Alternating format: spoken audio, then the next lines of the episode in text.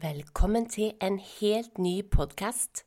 Mitt navn er Fiona, og jeg har alltid blitt kalt et rotehue, og det er også navnet på podkasten. Dette er podkasten for deg som aldri finner en penn når du trenger det, og som ikke aner hva som befinner seg lengst inne i klesskapet ditt, og som alltid må turborydde når det kommer noen på besøk.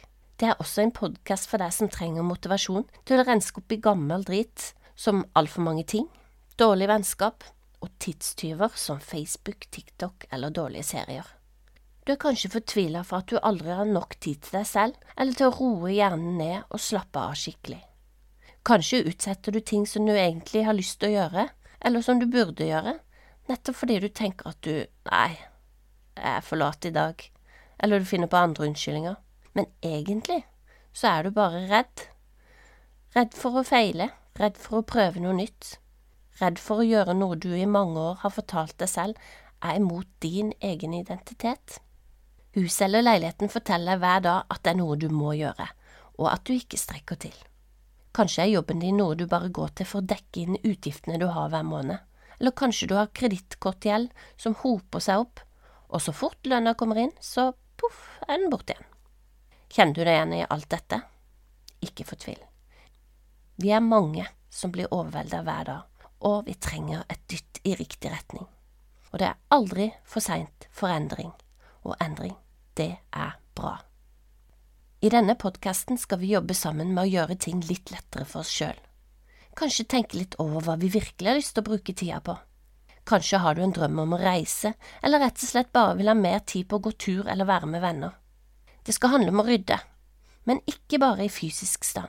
Vi må av og til rydde litt opp i livet våre i prioriteringer, i vennskap, arbeidssituasjon og økonomi. Jeg er ingen ekspert på noen som helst måte. Jeg er verken økonom, psykolog eller organisator.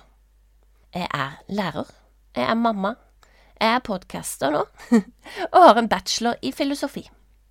Jeg har alltid vært en rotete person, og jeg og andre rundt meg har gitt opp at jeg skal være ryddig og organisert. Jeg har tenkt at jeg er kreativ, og at jeg må ha litt rot rundt meg, og så har jeg bare funnet meg i det. Sånn er jeg. Men i det siste har jeg lært mye om meg sjøl og rot. Og det handler om så mye mer enn å være en ryddig person eller ikke. Vi trenger bare ha ting på litt ulike måter, for også jeg ønsker å ha det ryddig rundt meg. Det jeg har funnet ut, det vil jeg gjerne dele med deg, og jeg vil ta deg med på en reise der vi sammen rydder opp både fysisk og psykisk i livet vårt og vi skal gå gjennom skuffer og skap, og vi skal se på økonomi, og vi skal se på om vi har dårlige vaner vi kan bli kvitt, og kanskje dårlige venner vi kan bli kvitt, eller bekjente som vi bruker tida på, og vi skal gå litt inn i skam, men også lidenskap og drømmer, og ikke minst låne motivasjon fra hverandre. Det er rett og slett på tide å rydde opp i ting som vi har utsatt lenge, og samtidig lære lite grann om oss sjøl. Av og til så blir det komisk hvor typiske vi er. En som meg, en rotete person. Jeg har altfor mange ting. Det tyter over. Jeg har ikke bare én roteskuff, men alle skuffer er roteskuffer. Og kanskje er du litt flinkere og har bare én eller to, men utgangspunktet er at vi har uendelig mange ting. Kjøleskapet har utgått mat, og på et tidspunkt forrige måned hadde jeg fire glass rødbeter som jeg ikke huska at jeg hadde tre åpne tacosausglass og tørka ost, ja, bare for å nevne noe. Jeg finner ikke ting jeg leter etter, for det er så utrolig mange ting å lete igjennom. Og kanskje er du mer organisert og har sko, skjorter og kakebokser og penner på et fast sted, men det kan jo hende at av de 20 pennene som du har i skuffen, så er det bare tre som virker. Resten har tørka ut. Uansett hvor du er på skalaen av rotete og organisert, så kan det hende at vi rett og slett har for mange ting. Og ting krever faktisk noe av oss, uansett om vi vil eller ikke. Et bilde kan si til oss Se på meg, tørk støv av meg, eller kanskje de minner oss på noe vi ikke ønsker å se, egentlig. Et gammelt familiebilde. Kanskje noen har skilt seg til og med på det bildet. En plante, da. Det kan jo gi oss mye glede, det skal jeg innrømme. Men hvis ikke vi vanner den Gi meg vann, gi meg oppmerksomhet, gi meg sollys, gi meg pleie. Og kjolene i skapet, da. Hvorfor passer du ikke inn i meg igjen? Hvorfor lar du meg bare henge her? Eller kanskje en kjole sier hvorfor brukte du 3000 kroner på meg når du bare lufta meg én gang? Kanskje har du en skuff med hobbymaling og hobbyutstyr som du ikke bruker mer, eller sjelden bruker, eller skiutstyr som du har glemt at du hadde. Ting kan faktisk gi oss dårlig samvittighet bare med å være der, og ikke minst ta opp plass både fysisk og i tankene våre. Hvorfor er det så vanskelig å bli kvitt ting, og hvorfor er vi konstant på jakt etter mer?